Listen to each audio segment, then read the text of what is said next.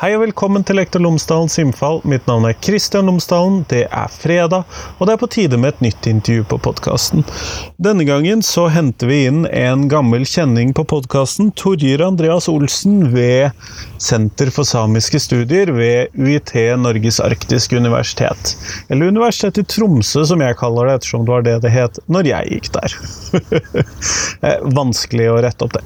I hvert fall, jeg snakker med Torjir om sannhets- og forsoningskommisjonen Forsoningskommisjonens rapport. Den ble lagt fram nå i rett før sommeren. Eh, dette er altså en rapport som handler om fornorskningspolitikken og konsekvensene det fikk, historien osv.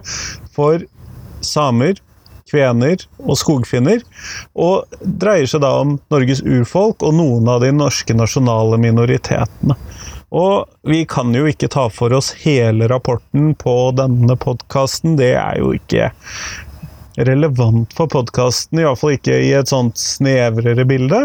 Men en del av det, også det som ikke handler om skole, er jo selvfølgelig også interessant på podkasten. Men jeg snakker med Torjer om uh, hva denne rapporten forteller oss. Hva er det vi må lære? Hva er det som er der? Hva betyr dette for oss i skolen? Hva, er, hva innebærer dette? At dette nå er blitt så grundig dokumentert, det snakker vi om. Ellers, podkasten Lektor Lomsdalens innfall er sponset av Fagbokforlaget. Og visste du at Fagbokforlaget har gitt ut en metodebok om forskningsoversikter i utdanningsvitenskap? Altså en bok de tenker passer veldig godt for studenter på lærerutdanningen og innenfor andre pedagogiske fag. Enten de jobber med en bacheloroppgave eller masteroppgave, eller kanskje med en doktorgrad.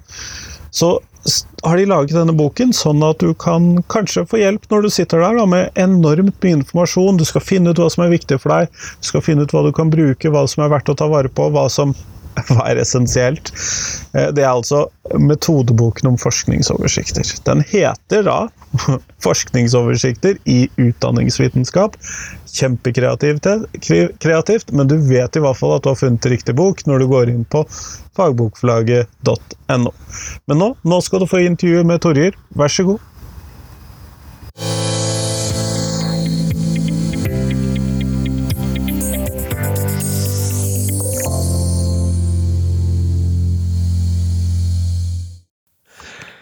Torjer Andreas Olsen, tusen takk for at du har tatt deg tid til meg i dag. Veldig hyggelig å være her. Du har jo vært med før, men også denne gangen så må du fortelle lytterne mine tre ting om deg selv, sånn at de kan få bli litt bedre kjent med deg. Ja, eh, vi får gjøre det litt enkelt. Så er jeg rett og slett eh, fra Tromsø. Jeg jobber på Universitetet i Tromsø på, Senter for samiske studier og har gjort det i ganske mange år nå, men har jo, eh, har jo har jo en doktorgrad i religionsvitenskap i, i, i lomma. Eh, og så kan jeg vel eh, godt si at jeg er forelder til stadig mer voksne barn. Det tror jeg stemmer ut ifra bildene jeg har sett. Eh, men i dag så skal vi snakke om Sannhets- og forsoningskommisjonens arbeid, rapport, sluttresultat. Hva er det Fortell om Sannhets- og forsoningskommisjonen først, tror jeg vi må starte med. Ja, eh, Sannhets- og forsoningskommisjonen ble jo eh, satt ned av Stortinget i 2018 eh, for å granske fornorskningspolitikken eh, mot samene og kvenene. Eh, det var liksom det tidlige mandatet som kom. Eh, etter hvert kom også skogfinnene inn, som også er nasjonal minoritet. det definerte din selv, stemmer det? Det definerte inn sjøl etter ønske fra skogfinske organisasjoner så kom, så kom, de inn litt i ettertid. Vi kan komme litt tilbake til akkurat den biten. Um, men, men, det de da fikk i oppdrag å granske, var jo altså fornorskningspolitikken, uh, hvordan den ble gjennomført. Uh, konsekvensene av fornorskningspolitikken for de her to gruppene i utgangspunktet, og så tre. Uh, og til slutt foreslå tiltak. Eh, det interessante med mandatet er at det egentlig sier lite om om, eh, om, å granske staten og statens handlinger direkte. Så det er en litt sånn vag på akkurat det. Men, eh, men er i hvert fall tydelig på at fornorskninga hadde konsekvenser, og det ville man finne ut av. Det var jo et politisk eh, press for å få oppretta kommisjonen, og også stor diskusjon om nødvendighet av ville det komme fram noe nytt osv.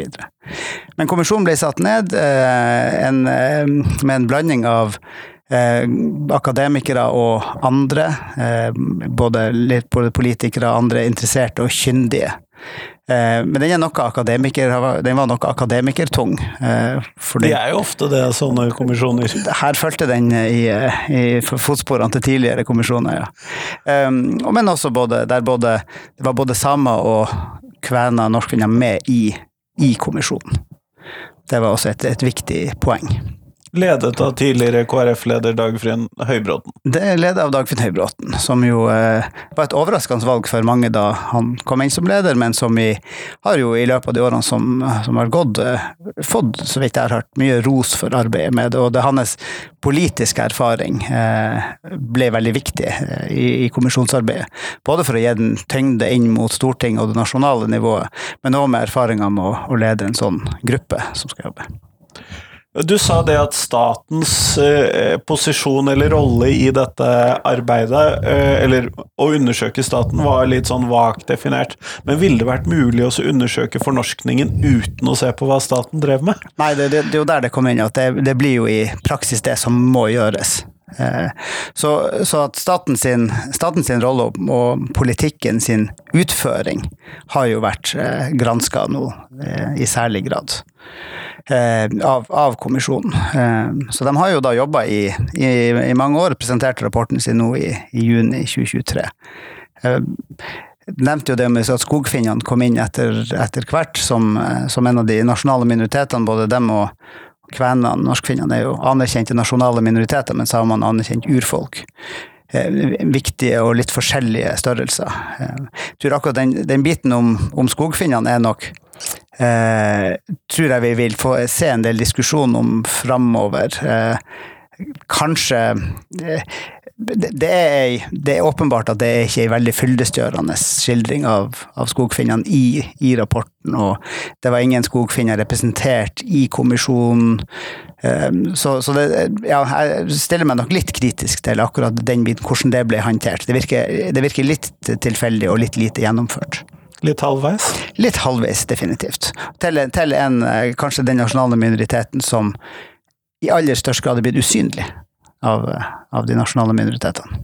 Ja, for den må jeg innrømme at den sliter jeg litt med å huske på, for jeg klarer liksom eh, rom og romani, mm. også jøder.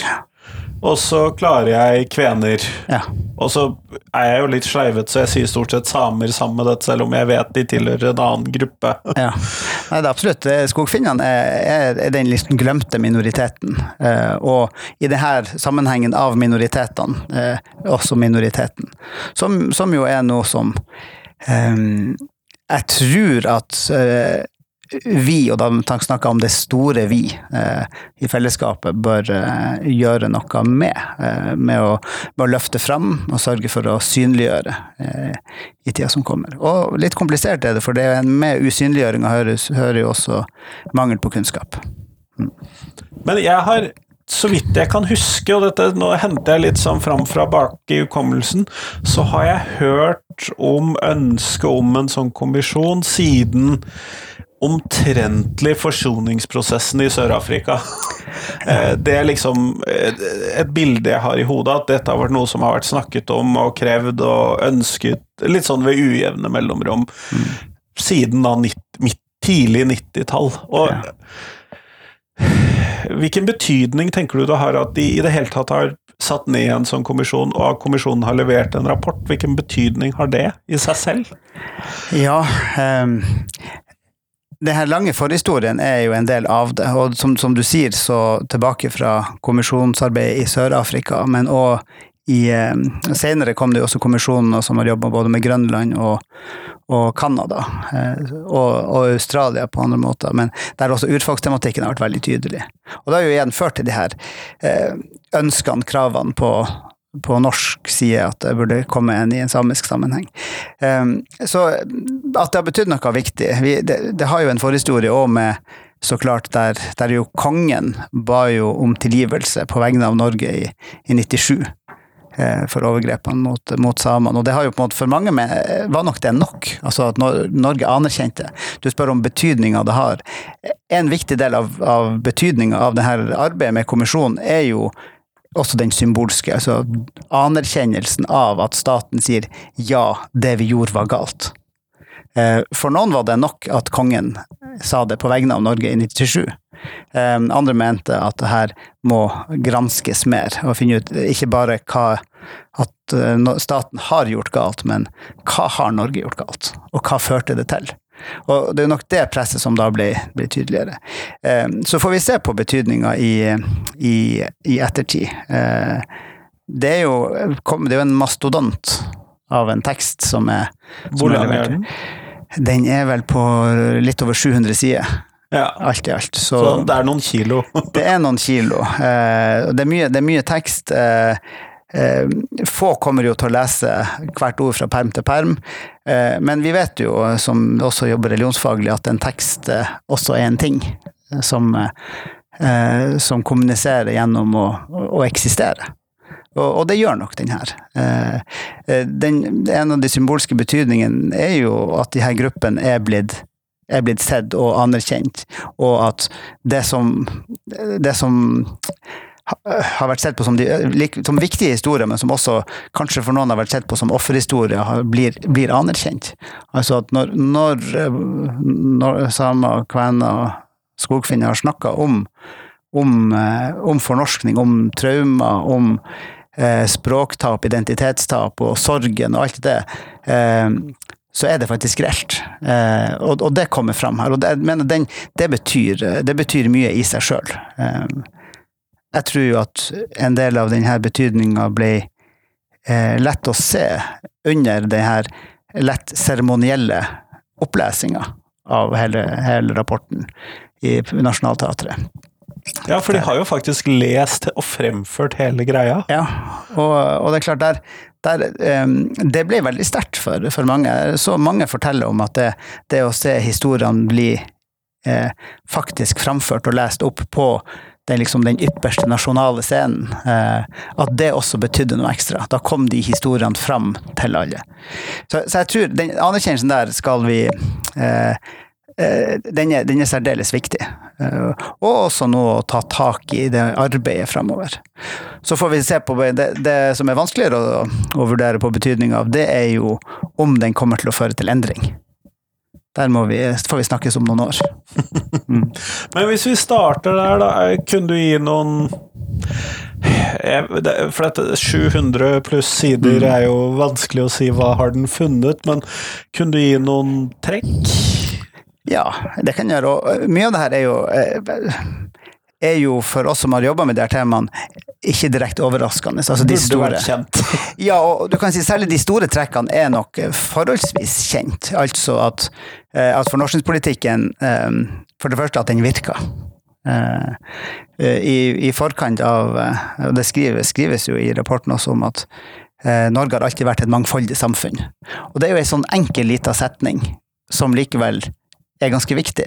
Eh, ja, for Vi snakker veldig ofte om at Norge har vært et homogent samfunn ja. som nå er blitt mangfoldig. Ja, og, og det, er jo, det, er jo, eh, litt eh, ser det både i tekst og, og, tale i en del sammenheng der det snakkes om hvordan Norge ble mangfoldig på 60- og 70-tallet og fremover. Men, eh, men, vi er jo flere som har pekt på det lenge, og rapporten sier det. Norge har alltid vært et flerkulturelt samfunn.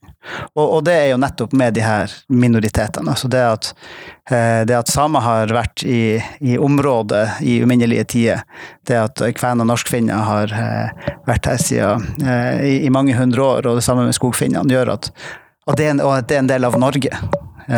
Så det, det flerkulturelle er noe som varer. Jeg tror det er, det er en viktig del av det det, det, rapporten ellers, eh, det rapporten ellers peker på, er jo hvordan fornorskningspolitikken har gått gjennom flere faser.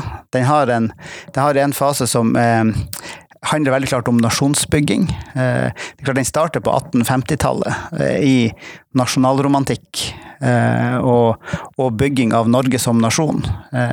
Der vi, får, der vi liksom får det vi i dag kjenner som 17. mai, blir det den er. Nasjonalromantikken i litteraturen og kunsten blir det den er eh, språket, både, både, bokmål og nynorsk, settes osv. Så, videre. så alle de tingene som, som, er norsk, gjerne med stor N, eh, og, og, mange snakker om, er jo i denne tida. Og fornorskningspolitikken er jo ei skyggeside av det. Eh, for en del av det her er jo enhetliggjøringa, og ideen om enhetliggjøring. Så, så den, den, biten der er, er viktig. Og så kobles jo, og det er jo interessant hvordan det skrives også om i rapporten, at eh, en del av fornorskningspolitikken styrkes jo av sosialdarwinisme. Altså ikke bare at det her er bygging av én nasjon, men også en nedvurdering av, av andre kulturer. Så ikke bare er, ikke bare er norsk eh, eh, det beste, men det er også betraktelig bedre enn de andre kulturene og språkene vi har innenfor grensen. Så Dette henger jo da sammen med kanskje noen av disse kolonialistiske tendensene vi ser på samme ja. tid, med den hvite manns byrde og ja. Dette henger tett sammen? Det henger tett sammen. Det, det er mye av samme tankegodset som er, som er framme. Eh, og, og, jeg tror jo den, den biten der er, er, er viktig å, å skjønne, fordi at det nettopp er en måte å tenke på som ved framveksten av en, av en, nasjon, som Norge blir da i denne løpet av 1800-tallet, så er det ikke helt plass til dem som er å snakke annerledes. Så det blir, det blir en, en, del av det. Og så får jo, eh, så får jo også eh, kirka dem en viktig rolle. Og det her fra, Du nevnte jo de koloniale trekkene, og det har vi jo i denne sammenhengen sett fra før for, fornorskninga starta. Så misjonen på 1700-tallet er jo en, en, eh, et veldig klart kolonialt trekk. Der jo, der jo kirka sendte ut misjonærer både til andre deler av verden, men også til til, eh, til Sápmi. Eh, og, og, at det også virka. I løpet av forholdsvis kort tid så var jo de, de, de fleste i de samiske samfunnene blitt kristne. Så, så det, er en, det, er jo en del av det her som jo på en måte har bereda grunn for fornorskninga når den kommer. Og så har du et, et annet trekk ved fornorskningspolitikken er jo sikkerhets, det sikkerhetspolitiske som jo, som jo Misjon på en måte var en del av, altså med å, å styrke eh, område og, og, og, territorium. Men, men i, eh, i, eh, i fornorskningspolitikken så er det jo særlig ut på 1900-tallet det blir viktig. Eh, og der det, blir, det blir tydelig, og her er det jo særlig kvenene som, som på en måte er den store faren. Et begrep som den finske fare var jo, eh, var jo særdeles viktig. Og det, det, det, skrives jo også om i rapporten der, der eh, på norsk side var man rett og slett redd for at finlendere i Norge så, og kvener skulle styrke tanken om et Stor-Finland, og dermed også i prinsippet være agenter for et slags ekspanderende Finland. Eh, så, og det var en viktig del av, av fornorskningspolitikken, med å gjøre finlendere og kvener i Norge eh, norsk, sånn at de, eh, sånn at de ikke ville Være femtekolonister! Rett og slett. og, så, og, og, det her er vi jo eh, Ellers så ser vi jo at, at fornorskningspolitikken Og det skriver, skriver de fint om i rapporten, om at det her handler om, både om bosetting og om, om industri og om veibygging. altså Mye av det her også er en del av den moderniseringa som Norge går gjennom på akkurat den samme tida, blir en del av det. Eh, og, og der, der jo Norge aktivt sørger for å bosette noen, noen områder. Vi kan jo i Norge ikke snakke om en gjennomgående som en settlerkolonialisme, der nybyggere sendes ut, som, som til Amerika. Eh, men akkurat i noen områder på norsk side, så, altså Bardu og Målselv særlig, så ble det jo aktivt sendt folk sørfra for å bebygge samiske områder. Og dette var jo blant annet der vi sendte flomofre fra Gudbrandsdalen og sånn. Ja, ja. Og det her, er klart, fra Gudbrandsdalen og Østerdalen så kom det rett og slett eh, flere tusen mennesker som bosatte seg i områder som ligner ganske mye, så dalførene i, i, Indre Troms.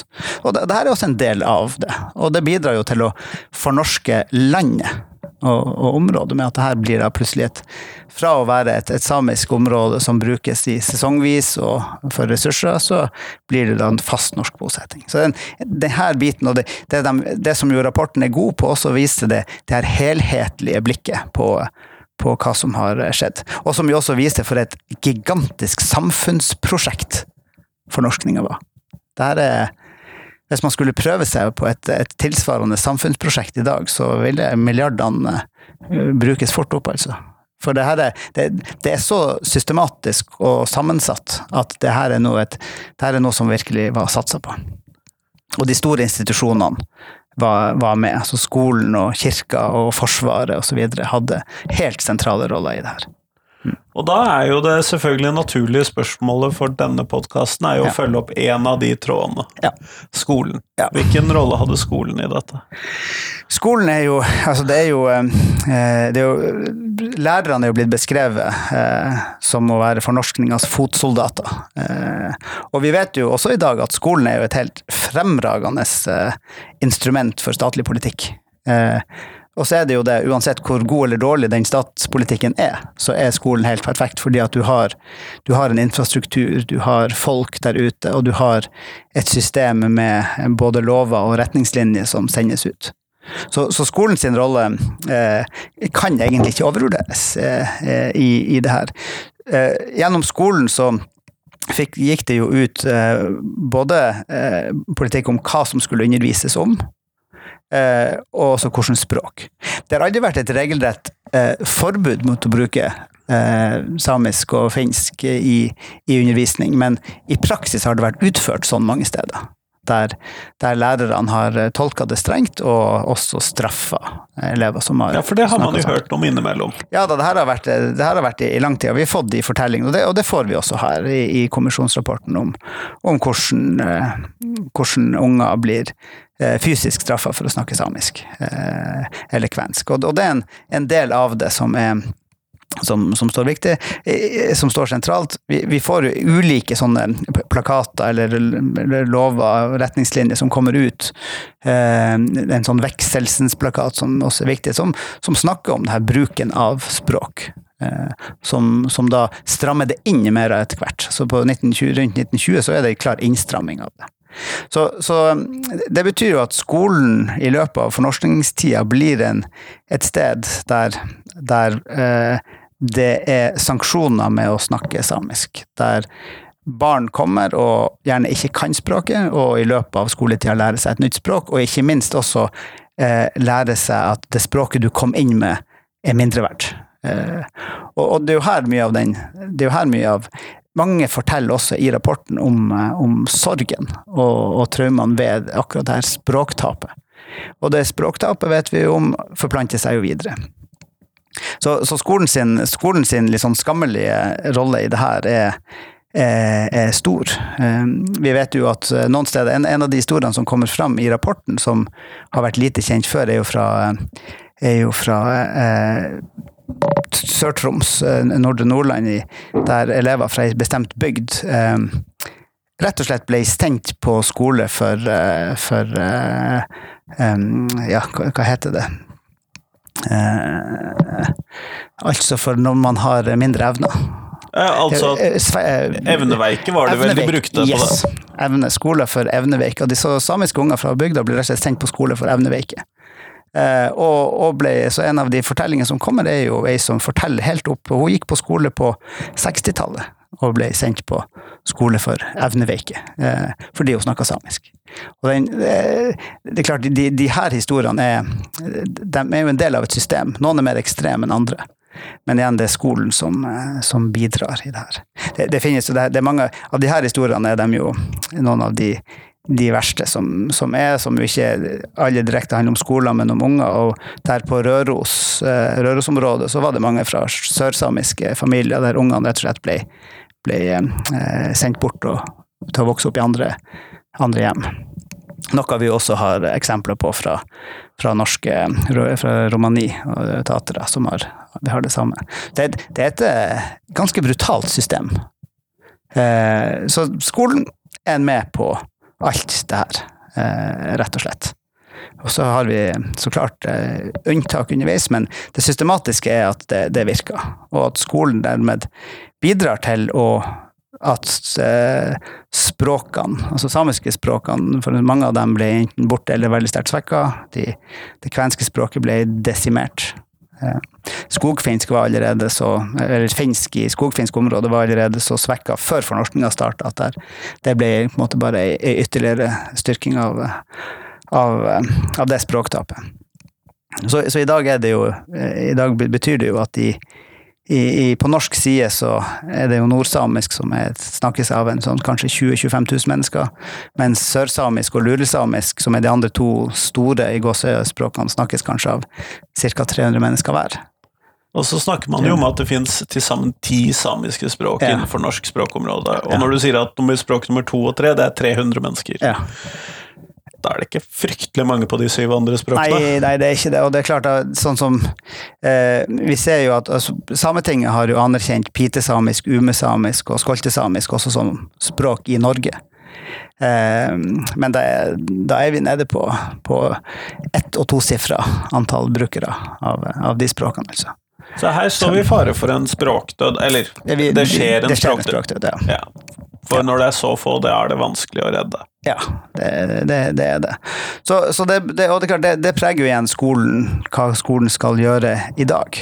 Men jeg tror også at en, en del av, en del av eh, kunnskapen om de her fortellingene, kunnskapen om det her, er jo noe som, som vi mener jeg på nasjonalt nivå trenger å vite om.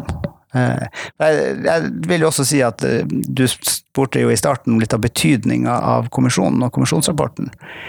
En del av betydninga er jo, mener jeg, at det løfter opp eh, de her, denne kunnskapen på et nasjonalt nivå. At kunnskap om, om samiske tema, f.eks., er ikke noe som angår bare de områdene der samer bor. Det angår hele Norge. Fordi fornorskninga var et, et norsk samfunnsprosjekt, altså angår det hele Norge. Det er en sentral del av den norske historien, og det må derfor alle det når, når på skolen eh, unge elever undervises i ulike fag, så, så skal alle vite om det her. Og det mener jeg, og håper også, at kommisjonsrapporten skal, skal bidra til. Eh, Og da er jo eh, Du har jo vært litt inne på det, og det, men det naturlige stedet å gå videre er jo hvilke følger fikk denne fornorskningspolitikken for uh, samer, kvener, skogfinner osv. Mm. Vi har jo hørt om språkdød. Mm. Mm. Andre viktige poeng. Ja, um, en, en, del av, en del av politikken var jo eh, en eh, eiendom, altså jordeiendomslovgivning fra tidlig 1900-tall, som jo slo fast at du måtte være norsk, eller ha et norsk navn for å, for å, for å eie jord. Og det førte jo til at Det førte jo til det kan virke prosaisk, men at en, en lang navnetradisjon i de her eh, både, både kvenske og samiske og skogfinske områder ble, ble sterkt svekka. Um, og, For da er det bedre å hete Hansen. det er da vi får at det blir mye bedre å hete eh, Hansen enn eh, et eller annet som slutter på Jervi og Niemi eller, eh, eller så.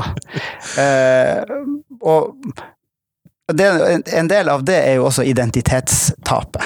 Ja. Så det, det er litt sånn prosaiske, og hvis vi kobler det på, på språktapet og på de mange foreldrene som har vært gjennom fornorskningspolitikk, og som, og som slår fast at det er bedre å være norsk.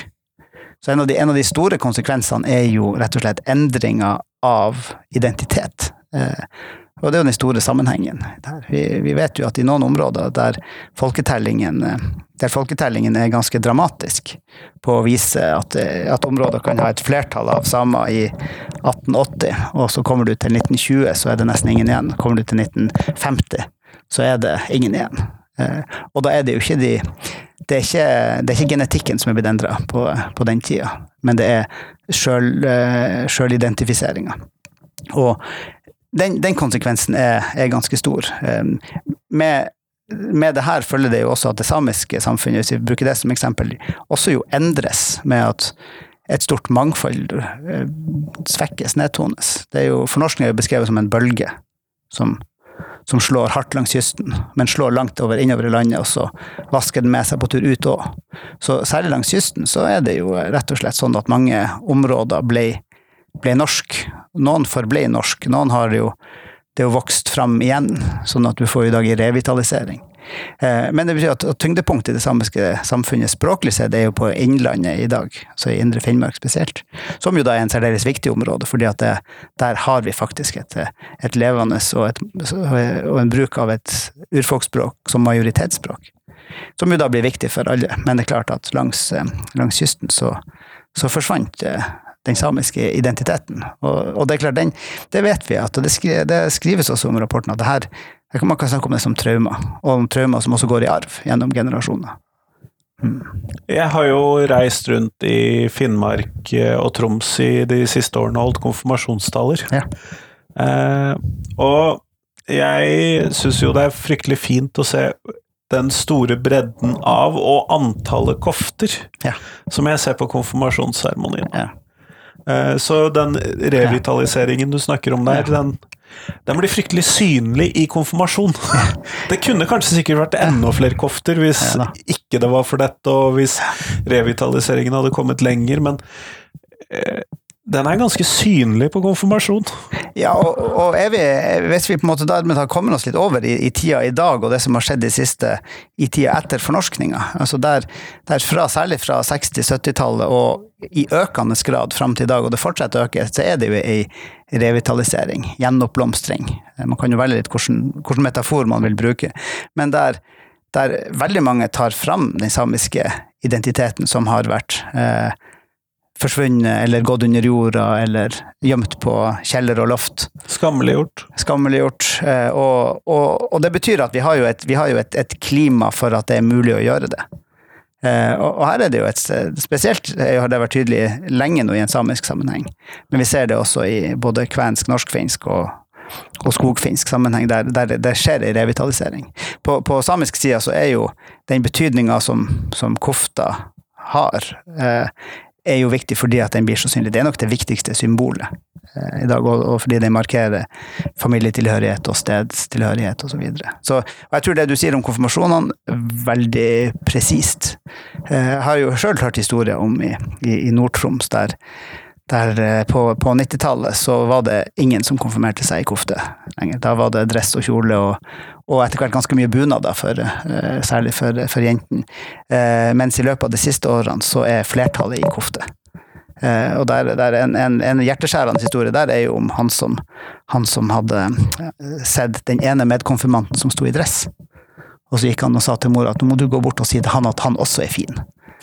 For alle gikk og sa til dem i kofta at de var så fine. Og da sto det en, en eh, stakkar i gåsøya i dress. Eh, og, og det er en sånn Det er, det er en komisk, og, og, men også en litt sånn en trist historie, fordi at det, det viser litt om, en, om den eh, forskyvninga som igjen skjer. Som, som jo nok er, er, er litt begrensa til noen områder, men som i en, i en samisk sammenheng særlig, og, og etter hvert mer og mer i kvensk og skogfinsk, så ser du også denne revitaliseringa og stoltheten over å, ta ta frem.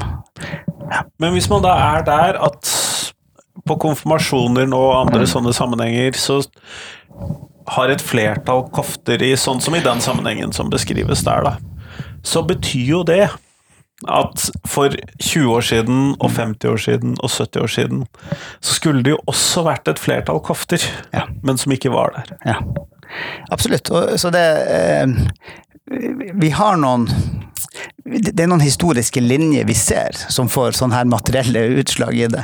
Som, eh, som jeg tror jo igjen at eh, jeg tenker hvis vi, hvis vi holder oss i en sånn skolesammenheng og en undervisningssammenheng, så er dette et veldig godt og veldig gode eksempler å kunne bruke i, i praksis. Og nettopp prøve å undersøke koftebruk. Eh, Det er veldig konkret, det er veldig synlig og visuelt, og det, det er viktig for mange, og egentlig ganske lett å snakke om også.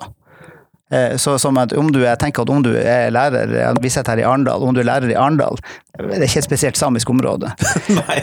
Men om du skulle være lærer her og skulle ha et, et prosjekt om samisk, eh, om fornorskning og, og oppgjør med fornorskning, så er koften et veldig godt, eh, et, et godt eh, case, sånn sett. Fordi at du kan nettopp si de forsvant. Hva er ei kofte?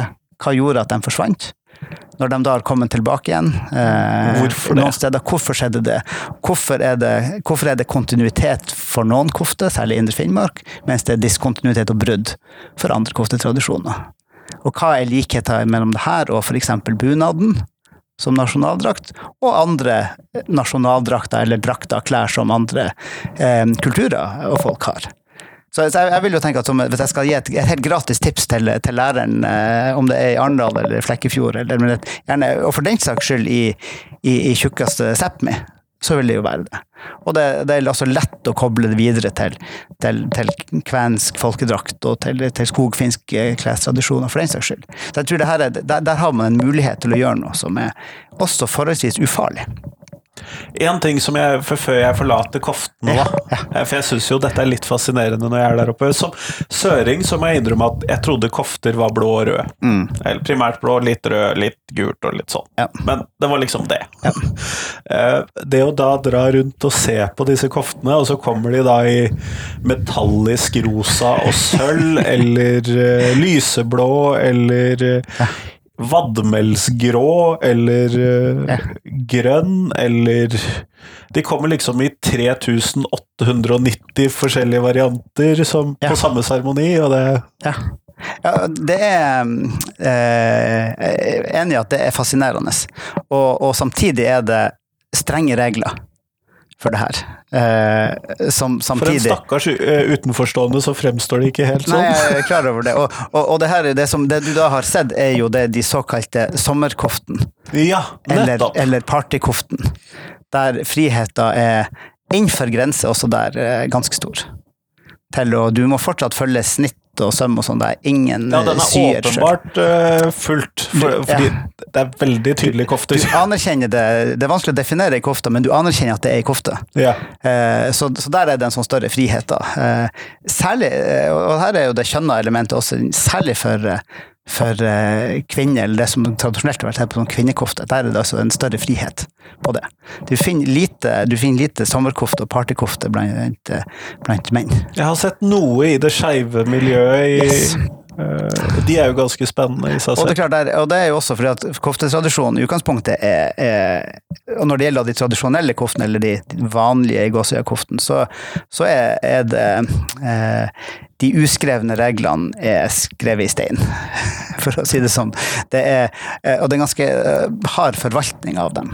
Det, det, det er streng diskusjon om det, om, om hva som skal til for at det skal være i kofta, og hva du kan gjøre med ei kofte, både med farge og mønster og sånt, og det skal ikke brytes. Um, men også her, så klart, så, så blir det en del brytning, fordi at, at koften i utgangspunktet er binært kjønnet. Men, og dette er jo interessant, fordi at vi har jo et bunadspoliti for Ja. bunader og så videre også, men kan fornorskningspolitikken ha gjort dette strengere for kofta? Altså at eh, vi er nødt til å Mm. forsvare oss så veldig som kanskje sitter i det? Ja, Det er et godt spørsmål. Det her, er, en- det her er det også rom for at noen, det her burde noen forske litt mer på, faktisk. Eh, så, så jeg tror på, på et vis ja, for det er, det er jo både strengere og friere. Eh, På, på bunadssida så er det jo så er det på en måte ingen valg til bunad fra et område. Du har kanskje to, to alternativer om du skal ha stakken eh, grønn eller blå, liksom. Det er der. Eh, mens kofta er det jo Du har en litt større frihet. eh, Så lenge du er i området, så har du en viss frihet innenfor der. Eh, men, men der er det til en del veldig strengt. Eh, jeg skal ikke tørre å si noe veldig sterkt på, på det. Det, det, vi nok, det vi nok har sett litt, er jo at i de områdene der læstadianismen har stått sterkt, ser det ut til at koftetradisjonene er litt mer neddempa og forsiktig. Spennende. Ja, så det er jo en kan, Der kan det være noe. Men tilbake til rapporten, da, hvis jeg skal Ja. klare å eh, lure meg tilbake igjen der. Eh, For du snakket om at de har kommet med en del tiltak. Ja. Mm. Uh, og det aner meg at en del av tiltakene er skolerelatert. Ja, definitivt. De, har jo, de valgte jo å gjøre det sånn i kommisjonsrapporten å plassere tiltakene i fem pilarer. Eh, De kunne jo kalt det for søyle, så kunne jo de religionsfaglige kose seg litt med det. Men de valgte altså å si fem pilarer. Og eh, Vi trenger ikke gå inn i, hver av dem, men, men et, det som et, et grunnpreg som går igjen i alle de her pilarene, er kunnskap. Så kunnskap er i utgangspunktet som kunnskapsmangel eh, er jo et, eh, et trekk. Og det som er interessant, og som jo Dagfinn Høybråten sa jo det her i et stort VG-intervju bare en måned før rapporten kom, at han var sjøl rysta over hvor lite kunnskap som er å se i den generelle befolkninga om fornorskninga, og om de gruppene det her er snakk om. Eh, Og, det er rapporten veldig tydelig på, at, at kunnskapsnivået i samfunnet som sådan må heves når det gjelder om fornorskningspolitikken, men også om de gruppene det er snakk om.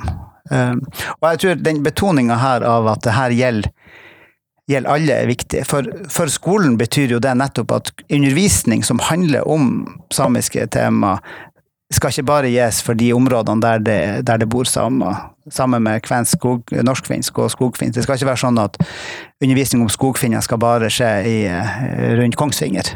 Det må på en måte skje i hele, i hele landet. Og, og den, den betoninga der er, er, er veldig sterk. Og det er klart, her er det skolen skolen må på plass. Eh, den, en andre sida der kunnskap får viktig rolle, er jo i den pilaren som handler om konfliktforebygging. De, de anerkjenner at det skjer veldig mye konflikter i, en, i, i, de her områdene, og det har vi jo sett nå også i de samiske sammenhengene. Um, og, og, her, det, En del av det får utslag i diskriminering, hatprat, trakassering. Og her refererer de jo også til, til Ytringsfrihetskommisjonen som jo snakker om kunnskapen og skolen sin rolle i å forebygge det her. Eh, og, den, og så er det jo da eh, et, En pilar handler om implementering, og manglende implementering. Og, og her er det jo, som, som jeg som har jobba i dette feltet i mange år nå, eh, ser jo også at vi visste mye av det her fra før. For det de peker på, er altså at vi har et regelverk og lovverk på mange områder. Og læreplaner, ikke, og læreplaner, ikke minst, men de er ikke implementert. Så, så der, det er jo um, vi har jo på, på eh, PUIT, den gruppa jeg har vært med å forske i, så har jo vi skrevet eh, hyllemeter nærmest nå om, om implementeringsutfordringen. Altså at rammeplaner for barnehagene og lærerutdanningen, læreplaner for skolen, har egentlig hatt et ganske eh, et økende grad samisk innhold, spesielt der, der hvis du går fra, fra særlig fra 2000 og, eller fra 97, da samisk læreplan kom eh, eh, for samiske områder, men, men, og 2006, når både når rammeplanen kom og ny og Kunnskapsløftet kom, så for skolen der, der det egentlig ganske eh, betona det samiske innholdet. For hele Norge. Men i praksis har ikke det vært fulgt opp. Og, og det her kommer da, i, i rapporten så, så, snakkes det her spesifikt om. Og jeg, jeg tror jo at det er det betyr igjen at vi skal det, er veldig viktig når vi arbeider nå med å følge opp kommisjonen, at vi ikke må tro at vi, vi starter på, på steg én. Vi starter jo på Vi har jo jobba lenge med det her. Eh, vi har jo forskningsmiljøer, fagmiljøer og skoler som har kommet langt. Så, sånn at det er, men det, er, det har vært en utfordring med å klare å følge opp det som faktisk lovverket har. Så der skal jo sånn, sånn, igjen, sånn ting er jo ikke svart-hvitt her, og det, det, jeg tror det er ganske viktig også å anerkjenne at, at eh, den norske anerkjennelsen av samiske rettigheter spesielt, går ganske, den går på en måte langt tilbake. Men så har den jo da hatt sånn det, det, er veldig mye lettere å vedta en læreplan. Enn å gjennomføre, enn å gjennomføre den. Og det er veldig tydelig i denne sammenhengen. Men jeg kommer til å legge ved i shownotesen, så kommer jeg til å legge ved boka som du har vært med å skrive om eh, samisk og andre min ja. minoriteter i skolen, ja. og det intervjuet vi gjorde om den, sånn at det ligger i shownotesene for ja, de som har lyst til å høre på. For det er jo et sted å starte. ja, absolutt, og det her, det her, er jo allerede blitt noen, noen år siden der vi, der vi skrev det, så det, vi, vi, ser jo at det her her er, det, her er, vi allerede i gang. Eh, og, Men her må jo da rektorene må jo fokusere på det, for det kan jo ikke være enkeltlærere som Nei. Og, og min, eh, det, som jo, eh, det som jo jeg har sagt allerede i noen år nå, er at det som har vært utfordringa det som har vært utfordringa når det gjelder samisk, særlig i skolen, har jo vært at vi har hatt noen helt fantastiske ildsjeler som har jobba beinhardt for både, altså både på det som har med språk å gjøre, men også landet over for å fremme tema, samiskrelaterte tema, urfolkstematikk i skolen. Men de har blitt ildsjeler og litt ensomme i det. Eh, så det som, det som jo, og dem har de jo brent ut, mange av dem. Det er jo sånn det er. Så, så håpet nå, med, også med rapporten, og hvis vi får en, en satsing, for det, treng, det, trengs jo en satsing, eh, så betyr det at vi får et system på plass, sånn at de her ildsjelene kan få lov til å virke på toppen av et system som, som funker, så vil jo det være, være mye bedre, sånn som, jeg, sånn som jeg ser det. Men, men, eh, vi får se, da. Eh, jeg tror i hvert fall sånn, i, en skole- og lærerutdanningssammenheng, så det at kunnskapen får en så stor plass, er jo også en Det er jo ei veldig klar oppfordring til eh, skoleeiere landet over. Det er ei veldig klar oppfordring også til lærerutdanningsinstitusjonene. Eh, og, og det, er nok, det, er nok, mange som allerede nå er i gang og sier at det her må vi det her forplikter oss. Eh, rektor for UiT sa jo allerede på 6. februar-talen sin at eh, det var grunn til å be om tilgivelse for rollen som universitetene hadde spilt i fornorskninga. Eh, og anerkjente det spesielt gjennom lærerutdanningen, men også gjennom forskning som har, som har skjedd. Så, så den, den her, fra, fra, den anerkjennelsen til å si at ok, så da må vi faktisk gjøre noe. Og her er jo, eh, her er jo av mine, en av mine kampsaker nå er jo nettopp at vi må få til å samarbeide på tvers av institusjoner. Vi må ikke sitte og, og hives uh, oss imellom om å få det til, men, men hvorfor skal ikke uh, de fagmiljøene som har jobba mye med det her, samarbeide med dem som starter? Ikke minst også å se at de Ettersom dette er et nasjonalt område, og ettersom minoriteter og nasjonale minoriteter er over hele Norge, Dermed så kan jo en lærerutdanningsinstitusjon i Agder og Stavanger og Østfold veldig gjerne ta opp de temaene her og se at det handler også om eget område. Ehm, så jeg, jeg tror vi har masse godt i vente her. Kjempeflott. Torjer, du, vi går mot slutten av intervjuet, og da skal jeg stille deg spørsmålet jeg stiller alle for tiden. Hvilken lærer har gjort størst inntrykk på deg, og hvorfor det? Ja, eh, det, jo, det, det, har jeg tenkt litt på, det spørsmålet. Eh, og her skal jeg benytte anledninga til, til, å jukse litt. Eh, jeg skal rett og slett si at jeg har vært så jeg har vært så heldig på universitetet å sette og få forelesninger i små grupper av, av to sånne ordentlig gammeldagse, gamle supergubber. I, I kristendom og bibelvitenskap av Jakob Jervel. Det å ha opptil flere forelesningsrekker om, om, Det nye testamentet av Jakob Jervel da han var professor to på UiT på 90-tallet. Eh, jeg tror aldri jeg har lært så mye som, som, det å sette og være tre studenter i et rom med Jakob Jervel. eh, Krevde et visst engasjement fra en selv, vil jeg tro? Det var veldig vanskelig å være uforberedt til en sånn time. Eh, eh og, og det samme med med en gammel, en gammel Tromsø-gubbe som, som, dessverre døde i, i år, filosofen Jakob Melø. Å ha økofilosofiforelesninger av han.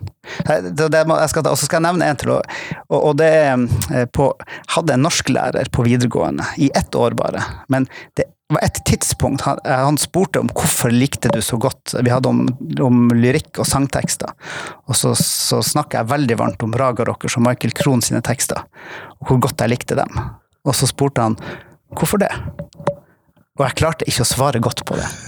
Og det her var jo da tilbake i 1992, og det plager meg enda eh, eh, at jeg ikke klarte det. Og det spørsmålet han stilte, det var det et av dem som virkelig har lært meg mest. Kjempeflott. Tusen takk. Mm.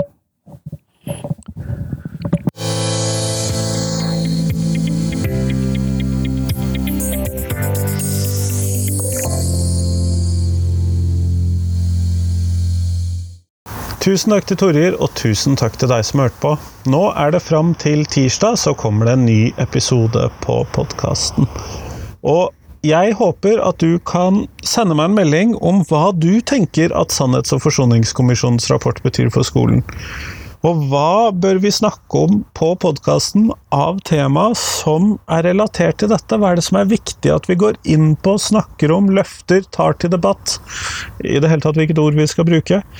Hva betyr Sannhets- og forsoningskommisjonens rapport i praksis for oss, og hva bør den bety? Det er jeg veldig interessert i å vite hva du tenker om, eh, så send meg en melding på det. Christian at lektorlomsdalen.no, eller på en eller annen Facebook-side eller Facebook-gruppe, eller Twitter, X, Blue Sky ja. Send meg en melding. Jeg blir glad. Fortell meg hva betyr Sannhets- og forsoningskommisjonens rapport for skolen i dag. Hva må den bety, bør den bety, hvordan jobber vi med dette? Ha en fin uke. Fin helg. Hei, hei.